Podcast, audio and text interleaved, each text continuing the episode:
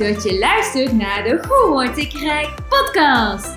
Ben jij nou ook benieuwd hoe de wet van de aantrekking ervoor kan zorgen dat jij rijk wordt? Mijn naam is Tamara Straatman en ik ben multimiljonair. In mijn podcast deel ik met jou levenslessen over mindset, innerlijke rijkdom en hoe ook jij financieel rijk kunt worden.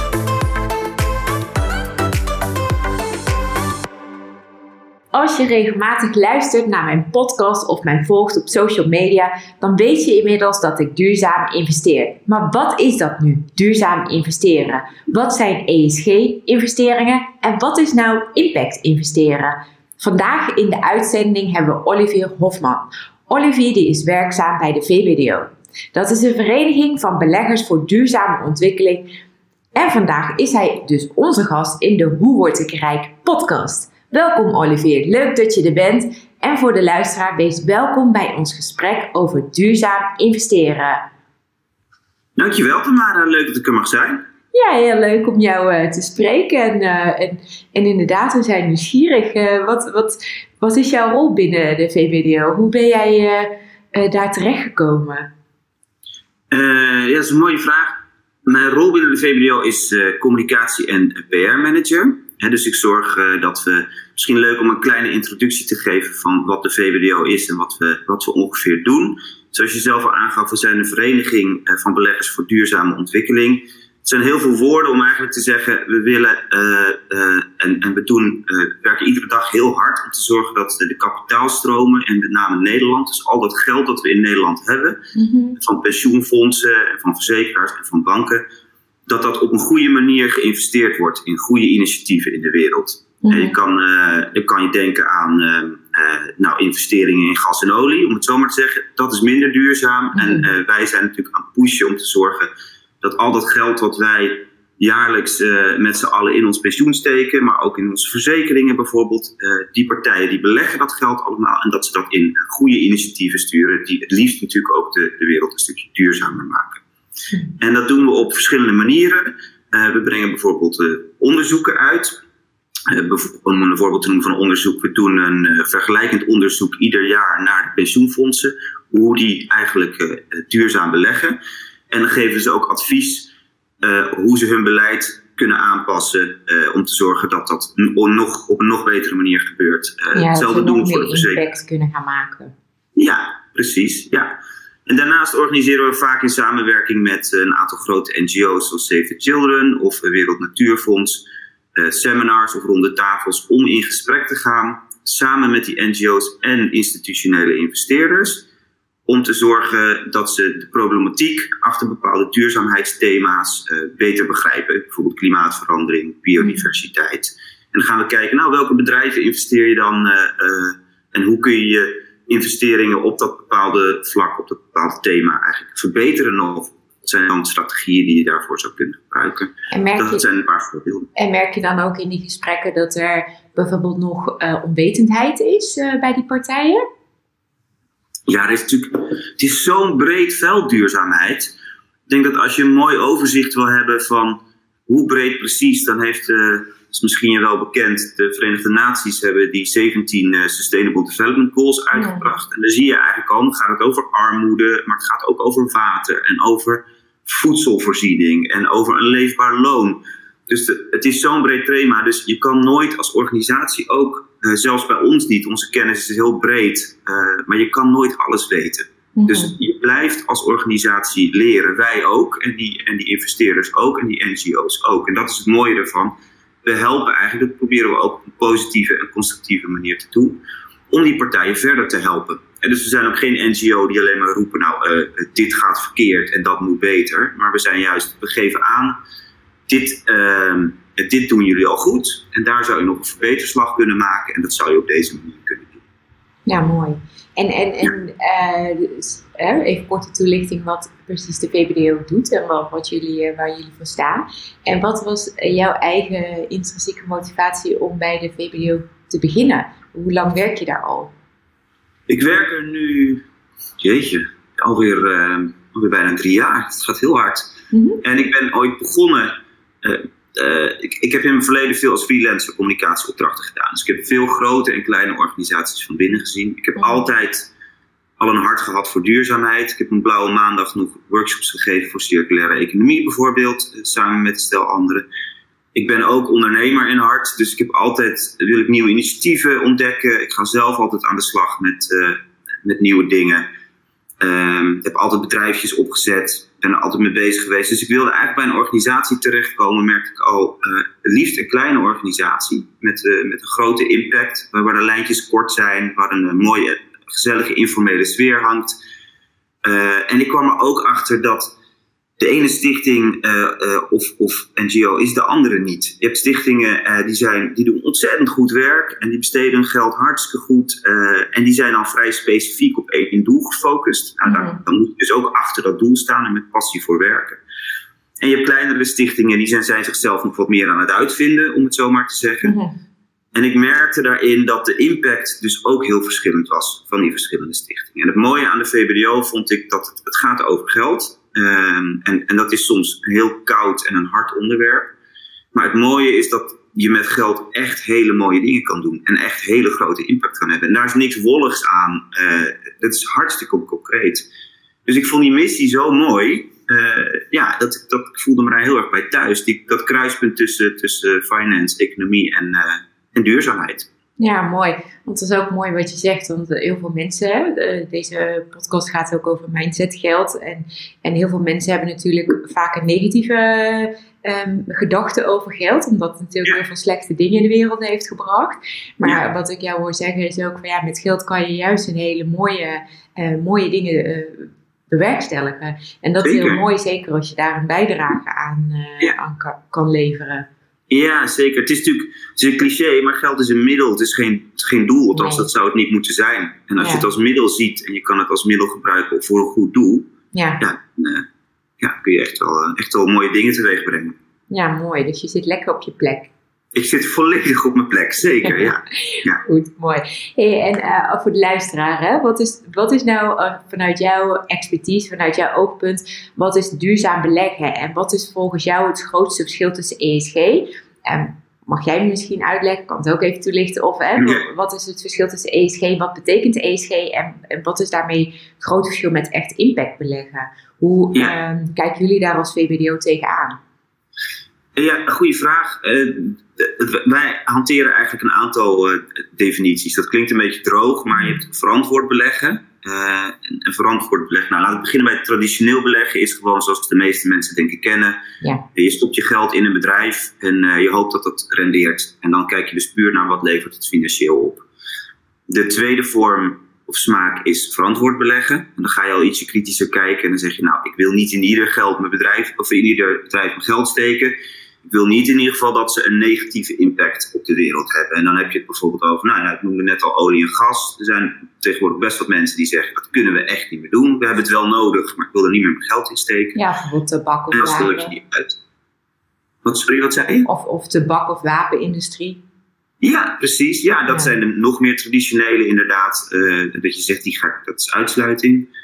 En, um, en dan heb je duurzaam beleggen. En dan kijk je, nou je noemde ze al, dan kijk je wat meer naar de ESG-criteria. Ja. Uh, dus de Environmental, Social en Governance criteria. En dan ga je kijken, nou hoe, hoe scoren ze nou eigenlijk op bepaalde gebieden van duurzaamheid. En ESG-criteria gaat dan niet eens over goede impact hebben nog. Dat gaat over welk risico levert het op. Daar kunnen we het misschien zo nog wel even over hebben. Mm uh, dus dat heeft niet zozeer met positieve impact te maken. Dat heeft er meer mee te maken, maar god, als ik mijn geld ergens insteek loop ik dan risico uit duurzaamheidsperspectief uh, dat, ik niet, dat, dat, een bedrijf niet over de kop gaat vanwege reputatieschade of, uh, of anders. Nou, en de laatste vorm is, ja, dat is de mooiste, die gaat jou waarschijnlijk ook aan het hart. Dat is impact beleggen. En dat is dat je echt een duurzame impact wil hebben op de wereld. Dus dat een bedrijf niet alleen duurzame activiteiten heeft, maar ook bijvoorbeeld door zijn hele keten heen gaat kijken, door al zijn leveranciers of die duurzaam zijn, maar ook of die bijvoorbeeld goede werkomstandigheden voor hun werknemers bieden. Mhm. En uh, ja, dat zijn de, de, droombedrijven natuurlijk. Ja, ja, dat is de keten die volledig duurzaam en sustainable is. Ja, precies, liefst wel natuurlijk. Heb jij daar, mag ik vragen, heb jij daar ervaring mee? Ja, ik heb uh, traditioneel uh, inderdaad uh, ben ik gestart met duurzaam beleg bij de grootbanken, waar inderdaad de portfolio op ESG is ingericht. Dus niet ja. per se impact maken, maar in ieder geval wel beter als traditioneel. En echt impact beleggen doe ik in direct deals en in fondsen. Uh, zo heb ik bijvoorbeeld uh, geïnvesteerd in PIMIMIC, is een Nederlandse impact uh, fund. Maar ook in Paper on the Rocks, is een, een, een duurzame um, start-up. Die maakt notitieboekjes van steenpapier en van landbouwafval. Oh ja, maar ja. Ja, en in de Goodwill, wc-papier, van duurzaam papier en bamboepapier. En daarnaast ook in uh, een stukje vastgoed in een uh, woongroep uh, voor gehandicapten. Dus daar zijn verschillende duurzame investeringen, inderdaad, die ik wat meer in de direct deals en in de funds zoek. Omdat je daar veel meer, um, nou ja, ook wat mijn ervaring is, dat de grote bestaande bedrijven minder impact maken dan de nieuwe initiatieven.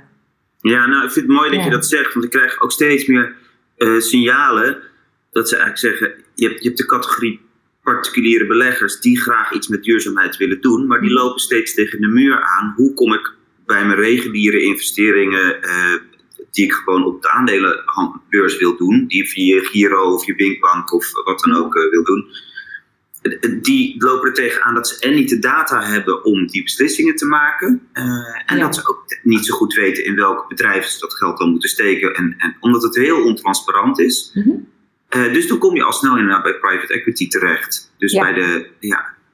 Maar goed, dan, dan zit, zit natuurlijk wel ja, de mensen met wat een minder grote portemonnee. Uh, ja, kom er dan maar eens tussen. Want hoe ga je kleine bedragen in dat soort start-ups? Uh, nou ja, sommige start-ups die hebben natuurlijk ook crowdfunding.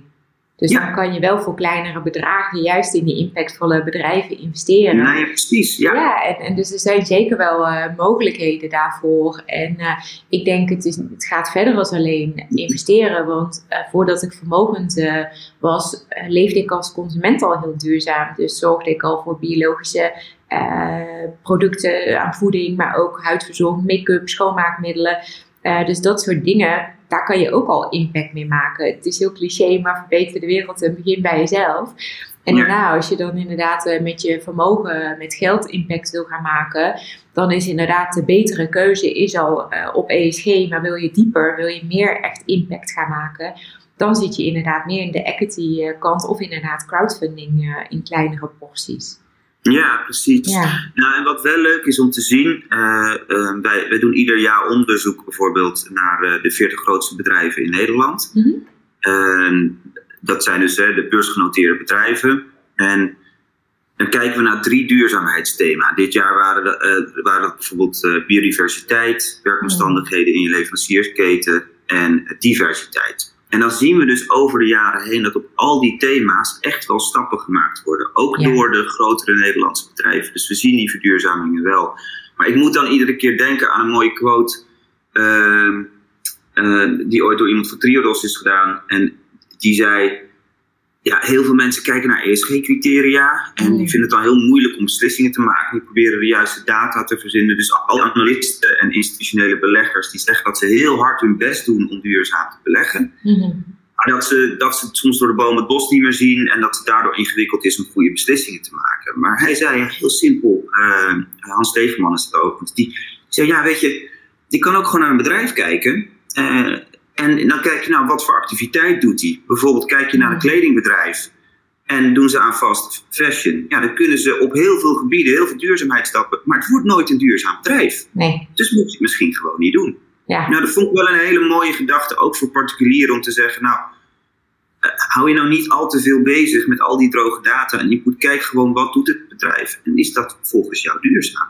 Nou, een stukje logisch verstand inderdaad. En ik heb zelf ben ik uh, ook aangesloten bij Tonic een internationaal netwerk van impact investors. En dan krijg je ook trainingen om inderdaad te kijken van wat is nou greenwashing, hè? wat zijn lookalike duurzame investments en wat is nou echt diep impact maken met je investeringen. Dus daar leer je ook anders kijken naar bedrijven en anders waarderen. Maar goed, dat zijn inderdaad, uh, is wat meer als je in de direct deals, uh, uh, denk ik, eh, gaat investeren, dat dat toepasselijk voor je is. Maar inderdaad, kijk van, van ehm, bij wijze van, je hebt heel veel vegan is nou natuurlijk, ja, dat, dat, dat wordt een ommezwaai. En ehm, wij eten bijvoorbeeld van de vegan box. Maar zo zijn er ook van dat bedrijfjes die juist met crowdfunding bezig zijn. Of inderdaad Um, de Goodroll heeft nu ook een crowdfunding uh, lopen om te investeren in hun bedrijf. Ja, dat zijn leuke dingen om, denk ik, in je portfolio als kleine belegger te hebben. Ja, ja, ja. Er zit denk ik ook wel een risicovraagstuk aan vast natuurlijk. Dan moet je het geld uh, in dat opzicht kunnen missen. En dus ik kan me dat voorstellen. Dat, daar, daar, we hebben ook jaren geleden een keer een onderzoek gedaan naar crowdfunding en de mogelijkheden daarvan. Mm. En het, het is ook hartstikke uh, leuk om te zien dat steeds meer mensen dat inderdaad gaan doen. Uh, en, uh, en ja, persoonlijk vind ik dat ook hartstikke mooi als je die tijd hebt en het geld hebt om je daar in een kleiner bedrijf in te verdiepen en te kijken. En, en misschien zelfs een beetje mee te helpen en advies te geven als je verstand hebt in de achtergrond. Is dat natuurlijk wel een hele mooie manier om impact te maken. Ja, dat is natuurlijk ook wat je aangeeft van hè, dus risico's. Dat zijn natuurlijk uh, voordat je start met beleggen is het natuurlijk heel goed om te weten van wat voor bedrag wil ik investeren en hoe lang kan ik dat bedrag missen en wat als ik het bedrag inderdaad zou verliezen, uh, zou dat impact uh, maken. Maar goed, dat is even off topic, maar dat is wel heel belangrijk voordat je start met investeren, dat je goed in kaart brengt van wat zijn mijn risico's en wat zijn de verwachte rendementen en, en hoe wil ik dat gaan vormgeven, mijn beleggingsstrategie. Ja, ja precies. Ja, ja. Nee, dat is inderdaad een beetje de basis. En nooit beleggen met geld wat je niet kan missen. Ja, hey, en, en als je dan kijkt hè, naar de noodzaak van duurzaam uh, beleggen. Uh, als jij daar vanuit jouw expertise, maar ook vanuit jouw eigen ervaring, wat is de grootste winst van impact beleggen? Maar wat zijn ook de grote verliezen als je impact buiten beschouwing laat? Dus enkel focust op traditionele uh, investeringen, dus alleen op, op financieel rendement. En heb je daar bijvoorbeeld referenties aan grote onderzoeken of uh, heb je bepaalde documentatie die uh, de luisteraar terug kan lezen die dat interessant vindt? Ja, nou, het, er is heel veel onderzoek gedaan uh, naar duurzaam beleggen. En om te kijken of daar mhm. winst op te halen valt of niet. en wat je, wat je ziet in praktijk is dat vaak is korte termijn beleggen is traditioneel uh, traditioneel beleggen is korte termijn beleggen en levert op korte termijn misschien wat meer op, omdat het beter rendeert, omdat je niet kijkt naar de lange termijn gevolgen. Maar voor de meeste mensen uh, is duurzaam beleggen op, zeker op midden, lange termijn en lange termijn, is al lang het onderzoek gebleven dat dat in ieder geval hetzelfde is, in een hoop gevallen zelfs beter rendeert. Om de simpele reden, kun je je misschien voorstellen, dat stel jij, jij investeert in een bedrijf en dat bedrijf, uh, ik noem maar wat, een kledingfabriek in Bangladesh. en er wordt daar niet zo het wordt daar niet zo nauw genomen met zaken als mensenrechten. Of het staat op een stuk grond wat, uh, wat gevoelig is voor klimaatverandering. Dan gaat dat misschien eventjes goed. En omdat ze die mensen lage lonen kunnen betalen, uh, nou ja, dat is een vraag wat je dan goed noemt, maar uh, financieel goed. Ja. En omdat ze die mensen lage lonen betalen, rendeert dat hartstikke goed op korte termijn. Maar op langere termijn, als daar een NGO achter gaat staan en trekt aan de bel, loop je tegen dingen als reputatieschade op als bedrijf. Als je kijkt naar klimaatverandering en er komt op een gegeven moment eh, een hoop regenval en zo'n gebouw stort in, wat natuurlijk ook al een paar keer, dat zie je constant in het nieuws, dat dat soort dingen gebeuren in lage loonlanden. Ja, dan moet je een nieuwe vergunning neerzetten. Dan moet je uh, schadevergoeding hoger betalen al die gezinnen. Buiten het leed wat er natuurlijk gewoon op dat moment sowieso plaatsvindt. Ja. Dus wat, wat we zien is dat op midden, lange termijn en lange termijn die bedrijven eigenlijk minder gaan renderen. Om dat soort gevallen. Hmm. Uh, en daarom, ja, zeker als je als je uh, niet de tijd hebt om je volledig in een bedrijf te verdiepen, en volledig, wat niet iedereen heeft, dat volledig dat uit te gaan spitten, zeggen we, kijk gewoon ook naar organisaties waarvan je eigenlijk al weet, uh, die doen goed werk, die, die pakken op, kies een thema voor jezelf of meerdere thema's voor duurzaamheid. Wat vind jij belangrijk? En kijk dan naar het bedrijf en hoe scoren ze daarop voor jou? Uh, ga je daar, en probeer je daar wel een beetje in te verdiepen. Maar neem geen risico's daarmee, zeker als je voor langere termijn in een, bedrijf uh, wil gaan zitten. Ja. Want uiteindelijk levert dat dus meer op als je het op een duurzame manier doet. Nou ja, mijn gedachte daarover is aanvullend, denk ik ook. Op het moment dat het is inderdaad eh, op, op, uh, op lange termijn uh, financieel ga je daar minder aan verdienen als je niet in impact investeren zit. Maar ook de schade die een traditioneel bedrijf dan kan aanrichten, die komt daar ook nog eens bovenop. Dus dan heb je nog eens dubbelop uh, verlies, zeg maar. Zo kijk ik daar uh, naar. Maar het is natuurlijk ook zo dat ehm, vanuit de wetgeving in 2030, het klimaatakkoord, ehm, dat bedrijven ook gewoon gedwongen worden om steeds duurzamer uh, te zijn. Kun je daar iets over vertellen? Ja, sterker nog, nou, wat ook een mooie ontwikkeling is, is er is vanuit uh, de Europese Commissie, uh, komt er een EU, of die is er al, een EU-taxonomie. Dat mhm. houdt eigenlijk in, dat is een, een lijst, een soort criteria-lijst, om het zo maar te zeggen, met wat is wel duurzaam en wat is niet duurzaam. Want mhm. daar lopen natuurlijk nog steeds heel veel mensen en ook beleggers tegenaan. als ik ergens investeer wat voor jou duurzaam is, is dat voor mij misschien niet. En daar komt wat je al noemde, dat greenwashing. Ja, dat is heel ingewikkeld. Want een bedrijf kan op dit moment vrij makkelijk roepen dat iets duurzaam is. En dan roepen, ja, duurzaamheid is iets subjectiefs. Maar goed, er zit natuurlijk wel een bepaalde bandbreedte in. Dus hebben ze ook gezegd bij de, uh, bij de commissie, we moeten nu één lijn gaan trekken in wat duurzaamheid is. Nou, daar is ook weer heel veel kritiek op. Want in die taxonomie is bijvoorbeeld net over gestemd dat gas en... Uh, eh, en nucleaire energie wordt ook gezien als duurzaam. wordt dan, dat noemen ze dan een transitie-energie. Nou ja, wij bij VWO zeggen dat is natuurlijk onzin. Dat, dat is gewoon niet duurzaam. Dus noem het beestje bij zijn naam en zeg dan ook gewoon dat het geen duurzame vorm van investeren is. Maar goed, daar kun je nog over twisten. Maar er is in ieder geval een eerste goede stap gezet om met z'n allen te bepalen wat is wel en niet duurzaam. Uh, dat, dat wordt gefaseerd. Dus ik geloof dat ze nu voor klimaatadaptatie en mitigatie hebben ze er dingen over. Maar bijvoorbeeld voor de hele S dus het sociale domein van ESG moeten ze daar nog uh, beslissingen over nemen. Maar dat is een mooie eerste stap. En daaraan vast zit de CSRD. En dat is uh, Corporate Sustainable Reporting Directive. Weer zo'n lekkere financiële term. Maar dat houdt in dat bedrijven straks verplicht worden om, uh, of om uh, te rapporteren over duurzaamheid. En nu is dat niet verplicht. Moet je eigenlijk alleen ja, financiële informatie in je jaarverslag opnemen. En straks wordt dat dus ook non-financiële informatie, duurzaamheidsinformatie. Mhm. En dat is natuurlijk hartstikke goed, want dan krijg je ook als particulier belegger uh, krijg je veel meer inzicht in wat doet zo'n bedrijf nou eigenlijk en, uh, en, en hoe scoren ze erop. Krijg je dus ook transparantie en controle. En dat gaat, denken wij, valt ook weer een hoop op aan te merken, maar nogmaals, dat is een mooie eerste stap. Gaat heel erg helpen om die markt een stuk transparanter te maken. Ja, dus daar zijn wel degelijk goede ontwikkelingen op. Ja. ja. want ik kan me ook herinneren, een tijdje terug kreeg ik, uh, ik werk samen met een family office en die kwam inderdaad ook uh, met die metrics uh, voor hoe duurzaamheid nu wordt geïnterpreteerd. Hè? En, en dan zijn ze vrij variabel in te vullen en zo breed en abstract, dan kan je, je kan er, ja, mee aan de haal gaan, zeg maar, als je zou willen. Want het is vrij interpretabel. Dus het is goed dat er een bepaalde regulering op komt. En ook uh, dat er metrics op komen die ook echt daadwerkelijk meten wat de impact is. Of uh, welke schade er gemaakt wordt. Ja, zeker. Uh, zodat er veel meer duidelijkheid en, data ligt uiteindelijk, ligt niet. Nee. nee. Nou ja, dus dat, dat is een mooie. nog eentje die leuk is om te noemen misschien. Dat is de SFRD. Weer een afkorting, sorry. Maar dat is, uh, uh, dat is er eentje die geldt voor fondsen. Mm dat wil eigenlijk zeggen dat ze gaan kijken... nou, welk percentage van het fonds is wel en niet duurzaam. En onder die SFDR-wetgeving zijn dus aanbieders van, uh, van fondsen straks verplicht... om dat erbij te vermelden. Dat is wel informatie die staat vaak... Dat is leuk denk ik voor mensen om te weten. of goed in ieder geval die, die moet op de website worden vermeld van bijvoorbeeld een, een bepaald fonds. Uh, ze zetten hem dus niet in je, stel je gebruikt een Binkbank appje of een, of een, uh, of een, een, een zelfbeleggingsappje of je Rabobank of noem maar wat. Dan staat het er niet per se bij vermeld. Uh, dus het is echt een verplichting vanuit zo'n aanbieder van zo'n fonds zelf. maar ja, dus ik zou mensen dan willen aanraden, kijk even op de website. Stel je wil een, een, iets met een fonds gaan doen, kijk eventjes, want dan moet het er wel, wel bij vermeld staan.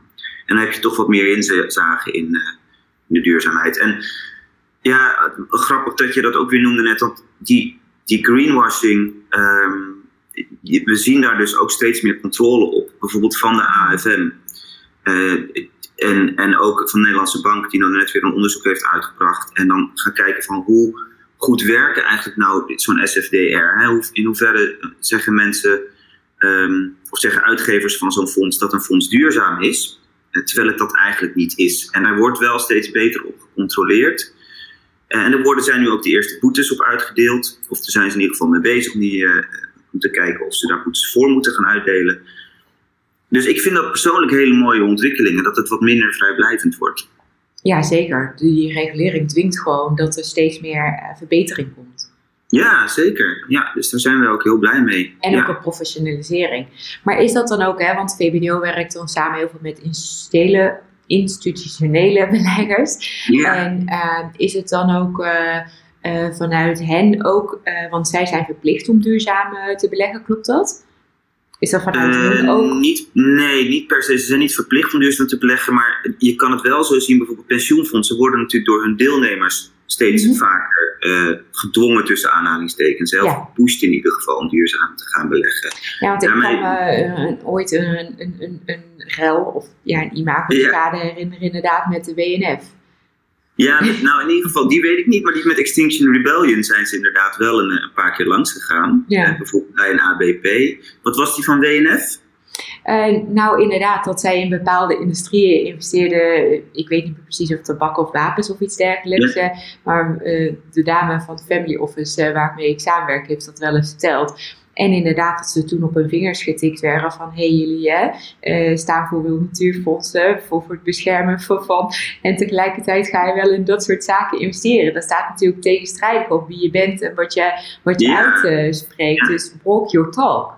Ja, ja, Ja. precies, kan ik me goed voorstellen. Ja, en, en wij zien dat dus ook steeds meer, en vind- vinden dat ook hartstikke goed. Consumenten zijn ook steeds meer bezig met het pushen naar bijvoorbeeld, eh, heb ik een duurzame verzekering? En dan heb ik het niet alleen over het product, maar ook belegt mijn verzekeraar duurzaam met het geld wat ik aan mijn premie besteed. En wat ik net al noemde, zo'n pensioenfonds ook. Mhm. Ja, die zegt dan dat ze duurzaam investeren. Dan denk ik, maar wat is dat dan precies? En doen ze dat dan ook echt? En je ziet dus nu een grote beweging van Mhm. een aantal grote pensioenfondsen zoals ABP, eh, PFZW en PME. En die hebben allemaal gezegd, nu we stappen uit fossiel. Nou, zijn dat nog relatief kleine eh, eh, delen van hun portefeuille die ze in fossiel hebben gestoken. Maar het is ook een signaal waarin ze zeggen, eh, onze deelnemers geven aan dat het niet meer kan. Het is het geld van de deelnemers wat we beheren.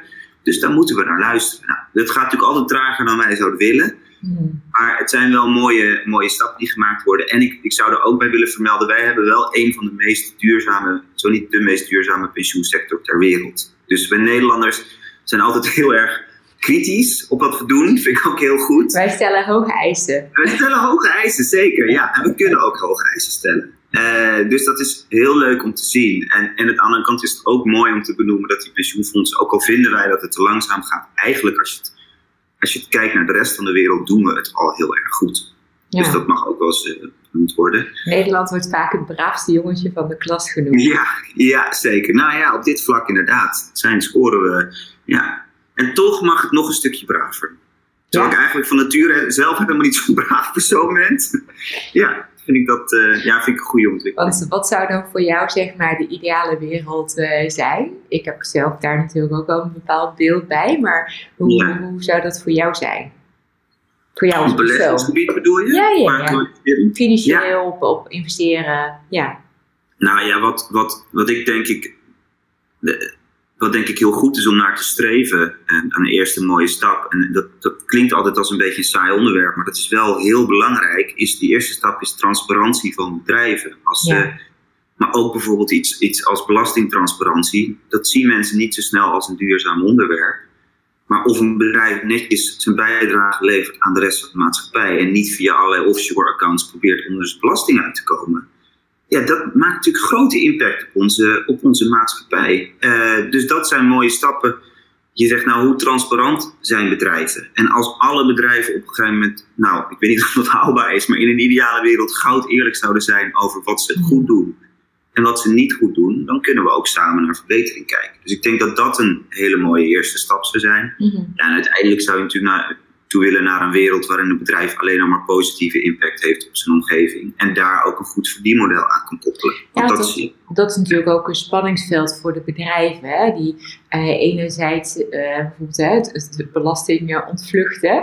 is een goed Ja. voorbeeld dat ze inderdaad met hoofdkantoor in een, in een land gaan zitten waar ze heel gunstig met de eh, zitten. Maar aan de andere kant is natuurlijk ook een spanningsveld voor hun van hoe, ehm, hoe zij inderdaad het product of het, de marges zo kunnen behouden dat het product ook op een bepaalde eh, prijs geprijsd wordt, omdat de consument daarin uh, vraagt. Het is natuurlijk ook een stukje vraag en aanbod, dus daar zit natuurlijk ook een stukje ja, um, bijvoorbeeld in Amsterdam is de eerste supermarkt met fair pricing. Ken je dat concept? En waar dus consumenten iets meer betalen, maar wel de eerlijke prijs betalen voor de boodschappen. En dat is natuurlijk niet voor iedereen weggelegd, want er zijn natuurlijk ook mensen die moeilijk uh, rond kunnen komen. Uh, alleen ik denk wel dat er een goede ontwikkeling is. Want hè, waar je ook bijvoorbeeld waar je fast fashion noemde, waar alles op de snelle omzet is en, en op de snelle wisselwerking, is het ook een stukje bewustzijn van de consument. Wil ik inderdaad wel uh, mijn geld daaraan besteden en wil ik aan die vervuilende markt en de industrie meedoen? Ja, zeker. Nou, ik vind dat, dat vind ik een heel mooi punt wat je, wat je aanhaalt. En ik denk dat dat ook een hele goede eerste stap is. In die zin dat je mensen eerst bewust maakt wat, het, wat de impact is. Ook van de kleine hoeveelheden geld die ze uitgeven. En ik doe me altijd denken aan een. Ze moet even opzoeken. Er is ooit een organisatie geweest die had een fantastische campagne. Die heeft een t-shirt machine ergens op een groot plein neergezet. En dan kon je voor 1 euro kon je een t-shirt kopen. Dus mensen liepen daar naartoe en die stopten er een euro in. Maar dan moest je eerst even naar een filmpje kijken. En op dat filmpje lieten ze zien hoe dat t-shirt werd gemaakt. En dan zag je dus video's van kinderen die op bergkleding aan het slapen waren. En uh, nou ja, alle, eigenlijk alles wat er aan vast zit aan zo'n lage prijs. Aan, uh, ja, aan, aan dingen die, die negatieve impact hebben. En daarna kregen ze de keuze: wil je nog steeds dit t-shirt kopen voor dat geld, of wil je dat geld eh, doneren? doneren? Dus dat vond ik hartstikke mooi. Wat ik ook erg vond, is dat ik dus ook iemand ertussen zag die zei: ja, ik wil gewoon dat t-shirt nog steeds hebben. En toen dacht ik, ja, dan krijg ik een soort veroordelingsrol op me. Dan denk ik, ja, hoe, hoe krijg je dat voor elkaar om dat leed te zien en dan nog steeds die keuze te maken? Maar aan de andere kant dacht ik ook, ja, wie ben ik om over zijn situatie te oordelen? Want misschien is het iemand die met twee banen nauwelijks rondkomt en gewoon niet meer geld heeft. En denkt, ik heb gewoon een t-shirt voor mijn kinderen nodig, om maar iets leuks te zeggen. Dus dat soort vraagstukken vind ik soms wel ingewikkeld, omdat jij en ik in een positie zitten uh, waarin we ook meer geld kunnen betalen. Uh, Maar zolang wij dus problemen niet. En, en het, klopt, maar ik heb ook in een positie gezeten waar ik. Uh, ja, modaal zeg maar inkomen had, of misschien iets minder als modaal, maar dat ik wel mijn keuzes bewust maakte om bepaalde dingen te laten, om bepaalde dingen te kunnen doen. Dus ik ben altijd, ook al uh, was ik niet vermogend en moest ik maandelijks de eindjes aan elkaar knopen, heb ik altijd voor die bewuste keuze uh, ja, altijd gemaakt. Dus ik denk dat het ook intrinsiek is hoe jij gemotiveerd bent als mens. Um, als kind, uh, ik was een jaar of zeven, acht, maakte ik ruzie met ons mam. Dat ze elk weekend een hoop eten kocht en na het weekend gooide ze heel veel weg. En dat ik zei, mama, aan de andere kant van de wereld komen kindjes om van de honger. En ik denk dus dat dat is hoe jij, wat je als kind hebt meegekregen. En, en, misschien heb ik dat op school of met het nieuws. Maar dat heeft mij zo'n impact uh, gemaakt. Terwijl anderen inderdaad, die, die, die, ja, die interesseert dat niet. Of daar zijn ze niet intrinsiek in, in gemotiveerd. Dus ik denk dat het ook een kwestie uh, is van niet alleen bedrijven. Dat, hè, dat je die verplichting maakt voor het verduurzamen. Maar aan de andere kant heb je natuurlijk ook de consument die daar, uh, er is vraag en aanbod. Ja, zeker. Ja. Dus ik denk ook als, je, als, je, als we kunnen zorgen, nou ja, los het maar even op, maar als je kan zorgen dat de mensen aan, aan de onder, onderkant van onze maatschappij, die misschien uit een omgeving komen waarin er vooral heel veel individuele keuzes worden gemaakt, als je die mensen bewustzijn kan creëren wat voor impact het kan hebben als je voor elkaar kiest, in plaats van dat je alleen maar probeert zelf te overleven.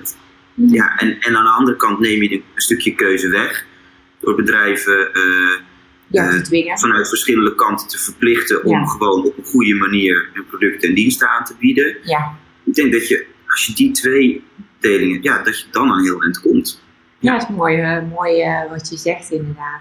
En ook, nou, ik denk ook een stukje, hè, wat je zegt, de verplichting richting de bedrijven, dat ze de verantwoordelijkheid moeten nemen. Dus dat er, een, er komt een ander aanbod, waardoor de consument daar niet meer kan kiezen.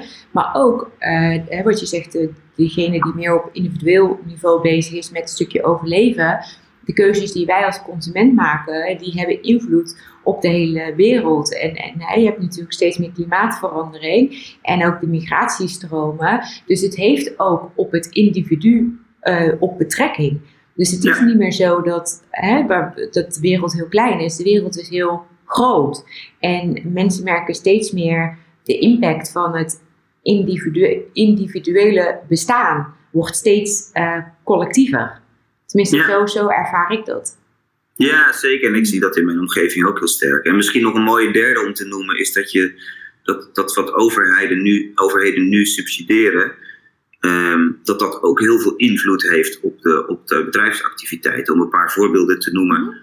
Uh, dus er, er, gaat nog steeds heel veel subsidie naar olie en gas. Uh, om, om dat betaalbaar voor ons als consument te houden. Ja. dan is het natuurlijk logisch. En er gaat bijvoorbeeld uh, vliegen naar, naar, naar vliegtuigmaatschappijen. gaat ongelooflijk veel subsidie naartoe, zodat wij goedkoper kunnen vliegen. En ja, daarmee stimuleer je bepaalde activiteiten. Ja. Terwijl het natuurlijk eigenlijk veel logischer is als, als we gewoon een CO2-tax in zouden voeren en zeggen: joh, uh, als je vervuilt, dan betaal je. Zodat we ook weer dingen schoon kunnen gaan maken. Ja, juist.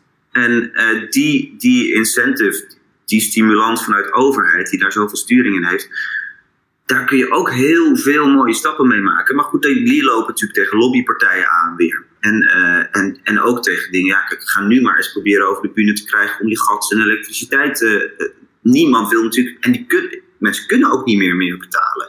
Nee, en het is natuurlijk ook een transitie. Hè? Stel voor dat je inderdaad direct de kraan eruit stopt en de subsidies eh, weghaalt. Eh, dan wordt natuurlijk eh, de energie onbetaalbaar. Maar tegelijkertijd moet ook natuurlijk de productie er kunnen zijn om duurzaam energie te kunnen leveren. Dus dat moet ook op orde zijn. Dus het is een geleidelijk aan proces uh, wat je doorvoert. En, en hetzelfde als met uh, reizen, met vliegen, uh, is ook natuurlijk, dat kan je niet in één keer weghalen. Want als er geen toerisme is meer in landen als in Italië of Griekenland, die, die staan dan op omvallen. Daar leven zij van. Dus daar moet een andere manier komen. Um, of hè, er moeten, moeten andere verdiensten komen wat het een opvangt. Ja, dat vind ik ook een hele goede toevoeging. Hè. ze zijn al bezig bijvoorbeeld om het hele uh, spoornetwerk in Europa te verbeteren, zodat er zodat er initiatieven komen. Ja, zodat mensen met, met de trein kunnen gaan en met het vliegtuig. En ik denk ook hoe mensen zelf daarover na kunnen denken. Ja, ik, ik voel me ook, mijn moeder die woont in Spanje. Uh, ja, die kan met de videoverbinding kom je een heel eind. Maar die wil ook af en toe een kleinkind zien. En ik wil natuurlijk ook af en toe naar mijn moeder toe. Uh, dus dan pak ik het vliegtuig naar Spanje. Daar voel ik me ook echt niet schuldig over. Maar ik denk als jij zegt, nou, ik ga voor de tweede keer een vliegreis maken naar Curaçao in een jaar. Dat je dan misschien kan bedenken, goh, misschien zou ik ook een keertje de trein naar Berlijn of naar, naar Parijs kunnen pakken. Ja, of je kan ook uh, bij KLM is dat, uh, ik weet niet hoe dat bij andere maatschappijen is, maar kan je ook compensatie. Dus dat je CO2-neutraal vliegt. Dus daar kan je extra voor betalen. Dus natuurlijk Moet ik wel kanttekening bij zetten, dat is het is niet volledig CO2-neutraal vliegen. Daar is net ook weer een stuk, uh, zijn een stukken over. Uh, het is eigenlijk een compensatieprijs, maar het is niet zo. Dat, dat zijn ze dus nu ook een aanklacht aan het indienen, omdat ze zien, eigenlijk zeggen ze dat is een stukje greenwashing. Want het is niet zo dat je hele vlucht gecompenseerd wordt in, in bomen die ze planten. Um, het is een, een, een, nou ja, hoe moet ik het zeggen? Er wordt iets gedaan. Ja. laten, we het, laten we het daarop houden. ja. Uh, maar goed, ja, inderdaad, het, het feit dat er zo'n initiatief is, is natuurlijk wel een, eh, een, goed teken. En, je kan dan, en dat soort dingen kun je verder gaan ontwikkelen. Ja. Hey, en en uh, als we dan weer op, op zeg maar naar, naar de VBDO gaan, hè? als je nou zelf uh, als investeerder of in ieder geval denkt van nou ik zou wel meer over duurzaam uh, beleggen willen weten, hoe kan de VBDO daarbij helpen en, en wat doet de VBDO dan om het verschil uh, te maken. En uh, hoe kunnen ze leren van de grote jongens, de grote beleggers? Kun je daar nog iets over uh, aanvullen? Ja, nou, dat, is een, dat, is een, dat is een goede. Kijk, wat, als mensen bij ons lid worden, dan steunen ze daarmee sowieso onze missie. dus dan zorgen ze dat wij gewoon netjes iedere dag ons werk kunnen doen. Eens in de zoveel tijd geven we ook een workshop duurzaam beleggen voor particulieren. We brengen ook een studie uit, die komt eind deze maand komt er een nieuwe uit. Dat is uh, uh, duurzaam beleggen uh, door particulieren bij banken. En daarin geven we een overzicht van de markt van hoe, in hoeverre wordt er in Nederland nou duurzaam belegd over de jaren heen. En dan zie je dat er een enorme toename in is. Dus dat is mooi om te zien. En het geeft vaak ook handvatten voor beleggers hoe ze daar zelf mee aan de slag kunnen. Dus we hebben bij de vorige hebben, in studie staat een soort handleiding van vijf stappen. Hoe kun je nou zelf aan de gang gaan met duurzaam beleggen? Hoe maak je nou een duurzaam beleggingsplan, om het zo maar te zeggen? Die van dit jaar gaat zich wat meer richten op de wetgeving die ik al noemde. Eh, die SFDR en de EU-taxonomie. En wat betekent dat nou voor de particuliere beleggers? Dus dat is ook interessant om te lezen, denk ik. Ja. En daarnaast, wat particuliere beleggers kunnen leren van institutionele beleggers, dat is ook een goede vraag. Ja, ik denk dat ehm, een van de belangrijkste lessen is wat particuliere beleggers wel kunnen doen, wat jij al noemde bijvoorbeeld, eh, is dat ze, ze kunnen zich wat meer richten op de kleinere initiatieven, dus op crowdfunding initiatieven. Mhm. En je kan dan makkelijker contact krijgen met die kleine bedrijven. Het probleem tussen aanhalingstekens, ik zou het een luxe probleem willen noemen, waar ik een jaar of anderhalf geleden echt een beetje van wakker schrok, is dat, eh, laat ik even zo beginnen. Ik was bij Willem de Zwijger, bij een tegenlicht eh, eh, Mhm. meetup. En daar gingen ze met pensioenfondsen in gesprek.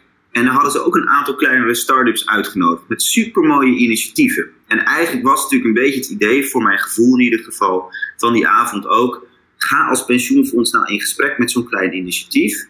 eh, om te kijken of je die wat meer op gang. Ga nou daar eens kijken of je erin kan investeren. Mhm. Maar die pensioenfondsen die zeiden heel eerlijk: ja, dit is gewoon te klein. Want onze, onze beleggingen.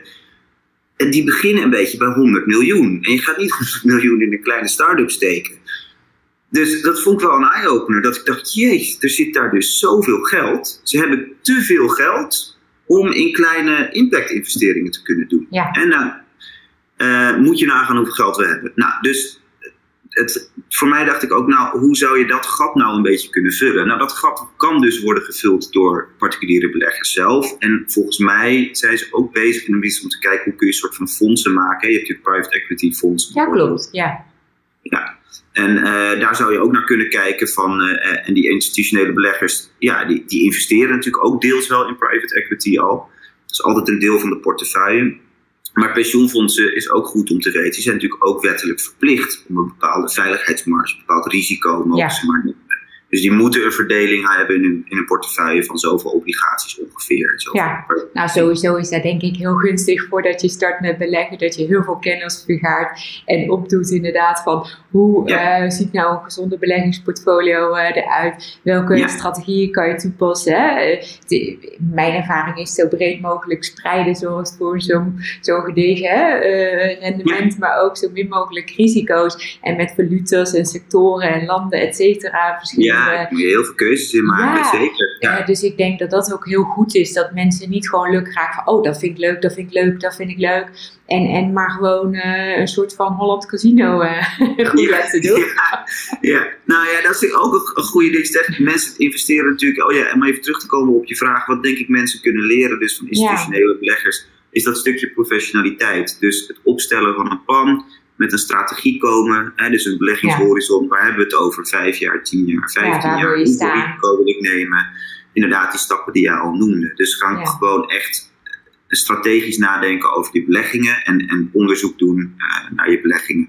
In plaats van, nou ja, zoals je al zo mooi aangaf, gewoon een soort van eh, fruitautomaat aan de hendel trekken en hopen dat mijn bedrijf iets gaat geven. Nee. Eh, kun je ook doen, kun je ook naar het casino. Dan, dan krijg je een beetje hetzelfde idee. En, een, en eentje die we dus veel zien opkomen nu is crypto. Ja, Is natuurlijk een, eh, beleggingscategorie. heel populair bij Eh, ja, dat, dat valt voor mijn gevoel daar een beetje onder. Hoewel er ook wat institutionele beleggers zijn, die zijn ook inmiddels in crypto gestapt. Ik moet eerst zeggen, ik kan er niet veel over zeggen, want ik heb er niet heel veel verstand Nee. van. Dat zal ik ook niet doen. Maar wat ik wel kan zeggen is, als je je afvraagt of het duurzaam is, dan is het korte antwoord nee.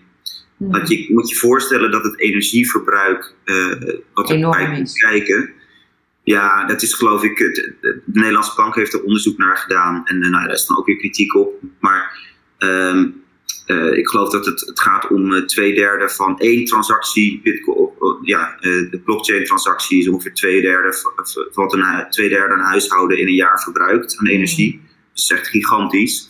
Dus het is to- totaal niet duurzaam. Ze zijn wel met technieken bezig waarbij, eh, waarbij dat minder wordt. Maar het blijft natuurlijk ja, de manier waarop dat ontstaat. eh, dat- mining en die transacties zelf. is Ja. gewoon niet te precies. Nou ja, ik denk dat de kern is van de boodschap. Verdiep jezelf inderdaad eerst in je hele beleggingsstrategieën. En vervolgens inderdaad, wat ben jij, eh, hè, waar wil jij je geld in investeren? En wil je duurzaam beleggen? Dat je echt gaat kijken van wat is dan duurzaam beleggen? En, en dan komen ze natuurlijk uit ook bij trainingen, ook die jullie ook weer aanbieden. Wat daarbij aanvullend kan zijn. Ja, zeker. Ja. Dus Ja, eh, nou ja, inderdaad, wat wij dan doen is, is de, ik zou neem die onderzoeken door, eh, vooral die studies bij banken. Dat, dat is echt een goed startpunt. Maar ook sowieso voor mensen die al wat langer bezig zijn om even bij zichzelf terug te halen van. Kan ik allemaal aan denken en hoe ga ik daar dan, eh, dan mee aan de slag? Ja, Nou, mooi. zeker. Ja. Ja. Heb je Hoe nog ben jij eh, eigenlijk bij ons terechtgekomen destijds? Weet je dat nog? Ja, heel eventjes even een knipje in de dingen. We moeten heel even kijken, want mijn batterij die is bijna leeg. En we zitten Oeh. bijna aan de tijd. Ehm, even kijken hoor. Ehm, Heb je nog dingen die je wil vragen? Of, eh, eh, even, even, vijf, even weer de tijd eh, erin zetten. Ehm, nou, ik wilde eigenlijk afsluiten met... van heb je, nog een, heb je nog een laatste tip? Wat is je beste tip voor de luisteraar? als je wil gaan starten met duurzaam beleggen of überhaupt beleggen, wat, wat is je laatste kernboodschap voor deze luisteraar? Ja, dat is een goeie. Die heb ik wel. Ja, ja. Ehm, ik, ben je alweer gestart? Sorry. Ja, oh, dit was de Ja, vraag. oké, dat was de vraag. Even knippen weer. Ja, kun je nog een keertje herhalen? Ja, ja, is goed. Maar als je nu voor de luisteraar je allerbeste tip, zeg maar als afsluiter mee zou eh, geven, als ze willen starten met beleggen of met impact beleggen, wat zou dan jouw allerbeste inzicht of tip voor de luisteraar zijn? Ja, dan zou ik de mensen willen vragen om bij zichzelf te raden te gaan. Wat is eh, belangrijk voor mij op het gebied van duurzaamheid? En daarmee bedoel ik, welk thema vind ik belangrijk? Mhm. om biodiversiteit, om klimaatverandering, eh, tegengaan van kinderarbeid. En dan ook na te denken, hoe ver wil ik daarin gaan? Mhm. Dus vind ik het voldoende als een bedrijf zich er niet schuldig aan maakt, eh, Ja. geen negatieve impact op heeft? Of wil ik echt dat ze een positieve, op dat impact-investering, een positieve ehm, impact maken? En daarbij kun je denk ik heel goed kijken naar die, die UN, die Verenigde Naties Sustainable Development Goals die ik eerder Ja. noemde. Dan heb je heel mooi overzicht. Het zijn ook vaak bedrijven die hebben al zich gecommitteerd aan een of meerdere van die doelen. Mhm. Eh, Dus ik denk dat dat een heel mooi en belangrijk startpunt is voor mensen. Ja, mooi. En ik denk ook eh, als aanvullend ook eh, wat goed is voor mensen als ze inderdaad een beleggingsstrategie hebben bepaald, dat ze ook in tijden net als nu zeg maar, als er crisis is, ook echt vasthouden aan die eh, gekozen strategie. Want ze hebben destijds wel overwogen keuzes gemaakt. En vaak zijn dat intelligente keuzes, maar en, en je merkt vaak dat mensen, als er dus een crisis komt of hè, dat ze bang zijn om geld te verliezen, dat ze vanuit emotie en angst gaan acteren. En dat dat achteraf juist heel veel geld kost. Dus ik denk ook dat dat nog een goede is eh, die, die ik vanuit mijn expertise aan de luisteraar mee zou willen geven. Ja, goeie. Ja. Zeker. Nou, mooi. Oké, nou eh, hartstikke dankjewel voor je aanwezigheid en waardevolle informatie en alle kennis die je gedeeld hebt. En als nou lezer, eh, de luisteraar eh, geïnteresseerd is in de VBDO, ehm, vertel, hoe, hoe, wat kunnen ze dan doen? Ja, zeker. Ze kunnen natuurlijk altijd op onze website kijken. Daar kun je doneren. Dan kun je ook lid worden. Daar zijn we natuurlijk super blij mee, want dan help je ons om ons goede werk voor te zetten. Eh, en alle informatie die op onze website staat is eh, gratis en voor iedereen eh, beschikbaar. En het leuke is, als je lid wordt, dan kunnen we ook altijd met je in gesprek gaan over onderwerpen die je interessant vindt. En net als jij, je bent ook lid geworden. Wij nemen nu deze podcast op. Dus we zijn altijd op zoek naar leuke initiatieven, nieuwe samenwerkingen. Dus ja, word vooral lid van ons. Ja, mooi. Nou, en ook hè, wat je er straks zei van hè, de mensen die met een kleinere portemonnee, die kunnen op deze manier dus ook mooi impact maken. Want jullie gaan uiteindelijk het grote, hè, de, met de, de grote jongens rondom de tafel om impact te maken. Dus ook op die manier kunnen ze een Ja. bijdrage leveren. Ja, Ja, absoluut. mooi. Nou, dankjewel. Dankjewel voor je tijd en, en eh, voor, voor al je wijsheden. En eh, tot gauw. Tot, een, tot de volgende Ja. keer. Dankjewel Tamara dat ik er mocht zijn. Hartstikke leuk. Dankjewel. Doei. Superleuk dat je weer hebt geluisterd naar een aflevering van de Hoe Word ik Rijk podcast. Wil je nou regelmatig geïnspireerd worden met mijn levenslessen over mindset, innerlijke rijkdom en hoe ook jij financieel rijk kunt worden? Vergeet jezelf dan niet te abonneren op deze podcast. En vond je dit nou een boeiende aflevering? Of heb je vragen hierover en mis je een bepaald onderwerp? Zou je hier graag iets over willen horen? Laat het ons dan even weten door een review te plaatsen. Dat zou ik echt super tof vinden. En wil jij nou direct starten met het opbouwen van jouw financiële of innerlijke rijkdom? Ga dan naar www.tamarastraatman.nl slash podcast en ontdek nu ook jouw kansen om rijk te worden.